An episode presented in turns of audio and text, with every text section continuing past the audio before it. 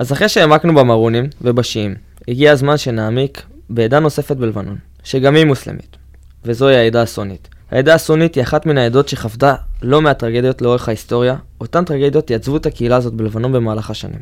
אז בואו ננסה להתחיל ולהבין מה המקום של העדה הזאת בלבנון.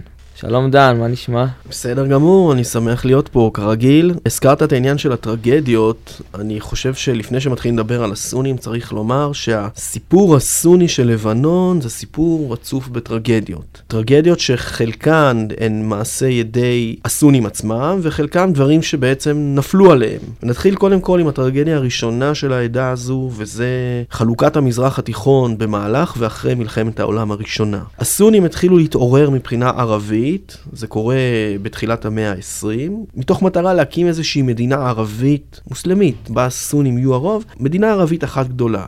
כמה אפקטיבי או כמה ריאלי זה היה יכול להיות, אני לא יודע, אבל אלה היו השאיפות.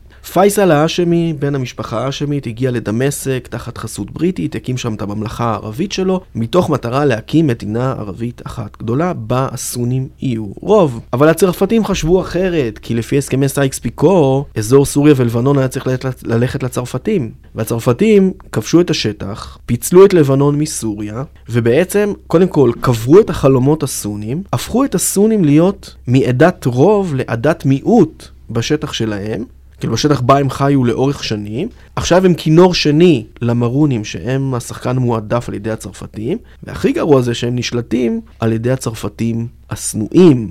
זאת אומרת, זו הטרגדיה הראשונה. אגב, בהדרגה הסונים התחילו להכיר בתפקיד שלהם בתוך לבנון, ושאולי עדיף לנו בעצם כן להישאר בתוך השטח הזה.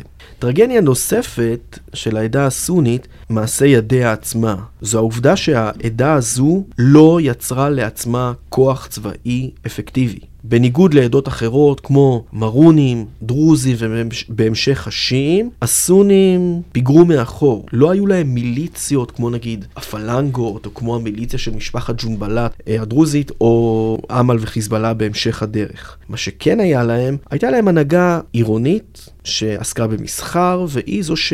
הנהיגה אותם הנהגה פוליטית ולא צבאית. מבחינת כוח צבאי, הסונים הסתמכו בעיקר על הארגונים הפלסטינים שהיו בתוך לבנון ופעלו בה למין סוף שנות ה-60, והם היו הכוח שבעצם הגן ושמר על האינטרסים, או גם שמר על האינטרסים של העדה הסונית. הבעיה היא שאש"ף והארגונים הפלסטינים נדחקו אל השוליים אחרי 1982, אחרי מלחמת לבנון הראשונה שלנו, ובעצם הסונים מצאו את עצמם ללא איזשהו כוח מגן.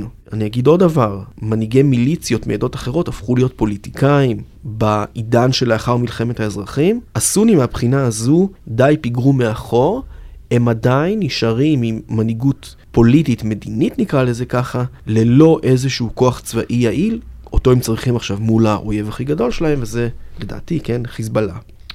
והטרגדיה השלישית של העדה הזו זה הרציחות הפוליטיות שהמנהיגים שלה חוו.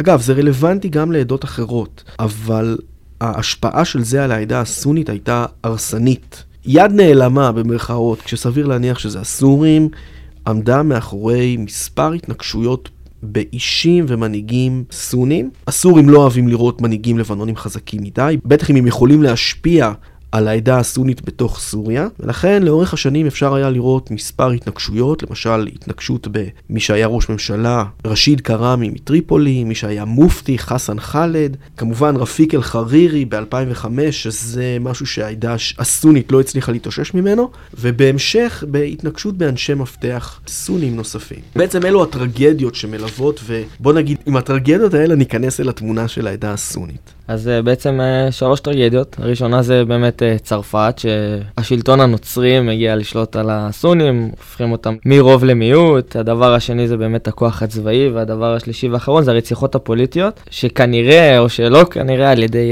על ידי סוריה. אם אני זוכר נכון, אז סוריה אחרי... ובני בריתה בתוך לבנון. זאת אומרת, צריך איזושהי יד שתעשה את זה. נגיד ב-2005, ברפיק אל-חרירי, האצבע מופנית אל חיזבאללה, כקבלן הביצוע, נקרא לזה ככה. ואחרי הרציחה של רפיק אל-חרירי, אני מעריך שזה גם, אני מעריך שזה, שהתנגשויות נוספות, לא רק בסונים, אני חושב שמי שיכול היה לעשות את זה זה חיזבאללה, או מה שחסן נסראללה אומר, אה, גורמים סוררים מתוך הארגון שלי, לא הוראה מפורשת, חבר'ה שנטלו את היוזמה לידיים שלהם. על פי פרסומים זרים. על פי פרסומים זרים, זה כן. נראה לי המונח המדויק. כן.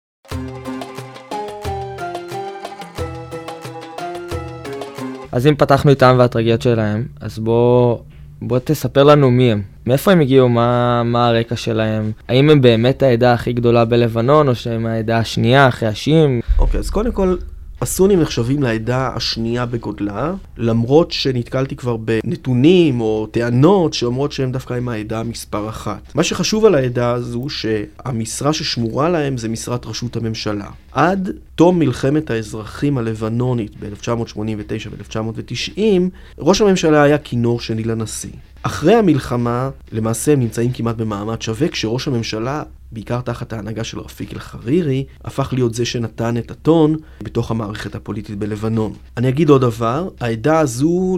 לאורך שנים, הייתה זו שניסתה למשוך את לבנון לכיוונים יותר ערביים. בשונה מהמרונים ב... שדחפו דווקא לכיוון המערבי. בדיוק, זאת אומרת היה כאן מאבק כוחות בין שני הצדדים האלה. לגבי איפה הם נמצאים, אז העדה הסונית, בניגוד נגיד למרונים ולשים שדיברנו עליהם בעבר, שהם היו צריכים למצוא איזשהו מקלט, לגור באזורים נידחים, אף אחד לא רדף אחריהם. הם היו עדת הרוב, ולכן את רוב הריכוזים הסונים ניתן למצוא בעיר, אם זה צידון, אם זה ביירות, בעיקר מערב ביירות, אם זה טריפולי, ואם נלך נגיד אל ההיסטוריה היותר רחוקה שלא היה לבנון וסוריה, אז אפשר למצוא אותם בדמשק, חומס, חמה, כאילו ערים שנמצאות היום תחת סוריה, ולכל עיר בעצם יש את שכבת המנהיגים שלה, היא נאבקת האחת, אחת בשני, וגם כן נגד הערים אחרות. כלומר, האזור התיישבות המרכזי הוא אזור החוף, האזור המישורי של לבנון. בדיוק, עירוניים. עירוניים. עירוניים זה טוב, זה כמו תל אביב. זאת אומרת, אני אגיד מה, הם, הם גם נתנו באיזשהו מקום קצת אופי מסחרי אה, ללבנון, בטח שזה יגיע גם בהמשך הדרך, נזכיר את זה עוד מעט.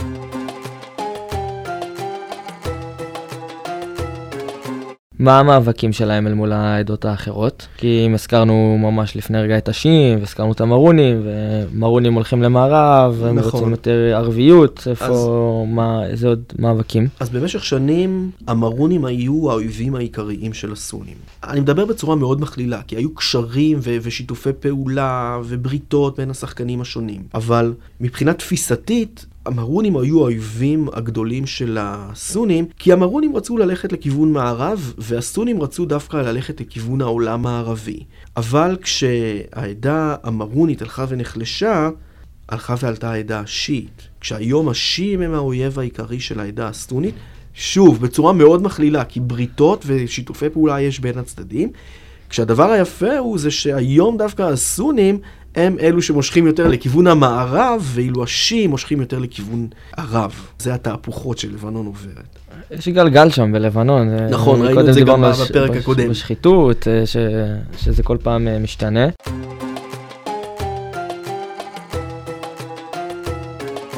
גם במרונים הזכרנו את זה, וגם בפרק על השם הזכרנו את הסיפור הזה, שכל קבוצה יש בפנים איזה שהם מאבקי כוחות. מה נכון. המאבקי כוחות של הסונים? הפנימיים. בעיקר המאבקים שיש שם הם בין אליטות עירוניות, אותה הנהגה עירונית, גם בתוך העיר עצמה וגם בין ערים אחרות, זאת אומרת מאבק על איזושהי בכורה, נקרא לזה, בתוך לבנון, וצריך לומר משהו שהוא חשוב, שאם ההנהגה העירונית הזו נכשלת, והיא נכשלת, אז מי שבעצם נושף לה בעורף זה גורמים אסלאמיים. גורמים אסלאמיים אומרים, תקשיבו, אתם הפקרתם אותנו. חיזבאללה עולה ואין לנו איזשהו מענה, ואנחנו בעצם צריכים לתת איזשהו פתרון, אז גם גורמים מוסלמיים צריך לקחת בחשבון.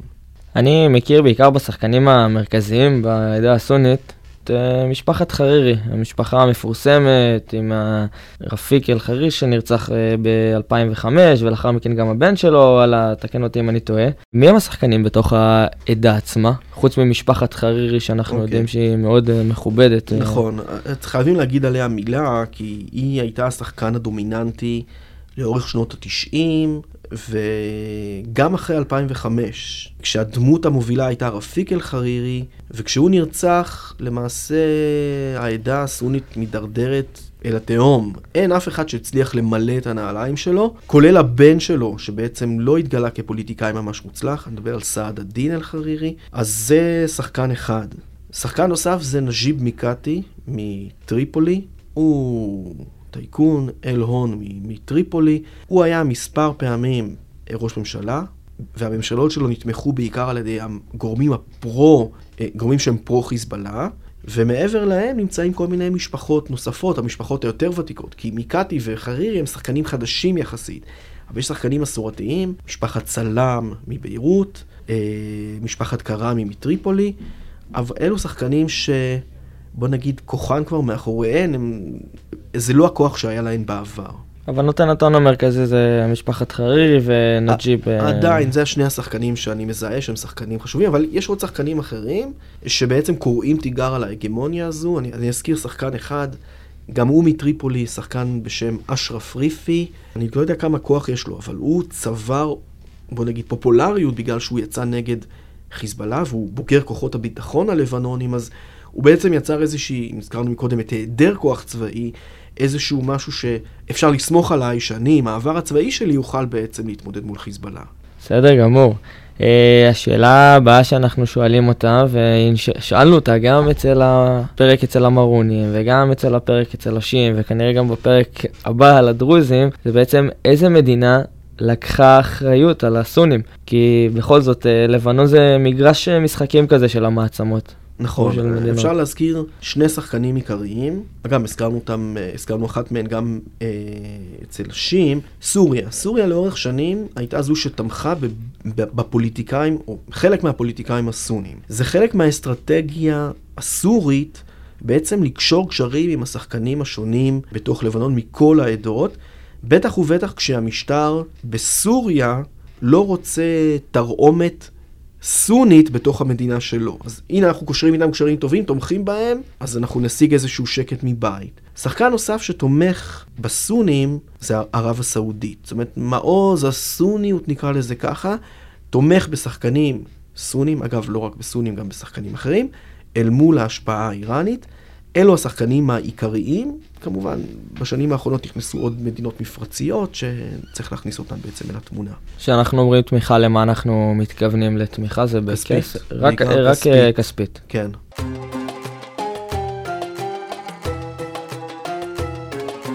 מדינת ישראל והסונים בלבנון. כנראה שיכול להיות שהיו קשרים או שלא היו קשרים, שמנו לב שבמרונים כן היה איזשהו קשר, ולאחר מכן בשיעים שמנו לב שהיה קשר אל מול, אה, אם זה צד"ל, שחלק מה... נכון. מהחבר'ה היו שיעים. כלומר, יש איזשהו קשר, האם אל מול הסונים גם היה איזשהו קשר? בוא נגיד ככה, לפני קום המדינה היו ניסיונות ליצור קשרים עם הסונים. זה לא ממש עבד. מעבר לזה, למיטב ידיעתי, לא... בוא נגיד, הניסיונות לקשור איתם קשרים לא ממש הצליחו. אבל צריך לומר משהו, אם הזכרתי את ההנהגה הסונית, זו הנהגה עירונית שתפיסת העולם שלה יותר כלכלית. למשל, רפיק אל-חרירי, הוא רצה שייחתם הסכם שלום בין סוריה לבין ישראל, כי אז כל הגורמים שמתנגדים לישראל בתוך לבנון, ועושים בלאגן, ומדרדרים את לבנון מבחינה צבאית, הם ייעלמו. לבנון תוכל לפרוח, ואולי, הייתי קצת נזהר, אולי גם כן היה אפשר ליצור איזה שהם קשרים עם ישראל. אז זה לא, בוא נגיד, מופרך, כן, אצל העדה הזו, במיוחד לאור ההתעצמות של חיזבאללה, במיוחד לאור ההשפעה האיראנית, שבעצם הם ילכו יותר לכיוון מערב, ואולי גם ככה, לכיוון... לא יודע אם הייתי, זה מוקלט וכל זה, לא הייתי מהמר על זה, אבל יכול להיות שבבוא הזמן גם עם ישראל. אם אנחנו מסכמים רגע את, ה... את מה שדיברנו כאן, באמת לאן ההנהגה הסונית הולכת? אם אנחנו רואים שהכוח שלה הוא יורד, הוא לא, הוא לא עולה, הוא במגמת ירידה, בטח לאור העלייה של, של העדה השיעית ושל חיזבאללה, אבל עדיין משרת אה, ראש הממשלה היא בידיים סוניות. נכון. אז לאן ההנהגה הסונית הולכת, והאם, שאלה בתוך שאלה, האם יש איזה שהם קשרים שמחברים בין העדה השיעית לבין העדה הסונית, כי בסוף הם, הם הרוב ב, בתוך המדינה. קודם כל, אם נגיד בפרק על השיעים סיימנו אותו בחוסר אופטימיות, אז פה זה דיכאון מוחלט, כי הם... אני מסתכל ואני רואה על העדה הזו שהיא, לאור הטרגדיות שהזכרנו, אין מנהיגות מספיק חזקה, וזה משהו שנגיד שהרצח של חרירי יצר משהו שהעדה הזו לא הצליחה להתאושש ממנו עד היום. יש שחקנים שיכולים לתפוס את המנהיגות, אבל זה לא כמו חרירי שהיה פעם, או המנהיגים המסורתיים אבל בשנות ה-60 וה-70. אז מהבחינה הזו אני ממש לא אופטימי. אני אזהר ואומר שהם הופכים להיות סוג של כינור שני לחיזבאללה, לשיעים ולכיבושים וכן הלאה. קשרים בין שיעים לבין סונים, קשרים פוליטיים בין פוליטיקאים, בוודאי שקיימים, כמו קשרים בין כל העדות. זאת אומרת, הדתיות זה דבר נחמד, אבל בסוף יש את הפוליטיקה. והפוליטיקה הזו בעצם יוצרת בריתות בין שחקנים שלא תמיד חשבנו שהם ילכו ביחד, אוקיי? אז מהבחינה הזו בוודאי שיש קשרים. זו לבנון בעצם, מדינת עדות, והעדות האלה חיות יחד, לפעמים נאבקים, אבל הרבה, בהרבה מהמקרים משתפים פעולה. חשוב לי רק לומר, אם הזכרתי את העניין הזה, שדווקא רוב המאבקים הנוראיים ביותר בלבנון לא היו בין העדות, אלא בתוך העדות עצמן. זאת אומרת, מאבקי כוח. הזכרתי, דיברנו על העדה השיעית, אז אמל נלחם נגד חיזבאללה במשך שנים, לא, היה, לא שררו יחסי ידידות ביניהם, אז גם העדה הסונית ידעה מאבקים ביניהם, בעיקר מאבקים בין ערים. אז לגביהם אני ממש לא אופטימי, בוא נגיד את זה ככה לגבי הסונים. טוב, אז היום קיבלנו עוד איזשהו חלק בפאזל שמרכיב את, אה, את לבנון ואת הקבוצות שבתוכה ואת מאבקי הכוחות. אני למדתי הרבה, אני מקווה שגם אתם. דוקטור דן, תודה רבה על זה שהתארחת אצלנו כמו בשמחה. תמיד, ואנחנו נתראה גם בפרק הבא. שיהיה לכם המשך האזנה נעימה.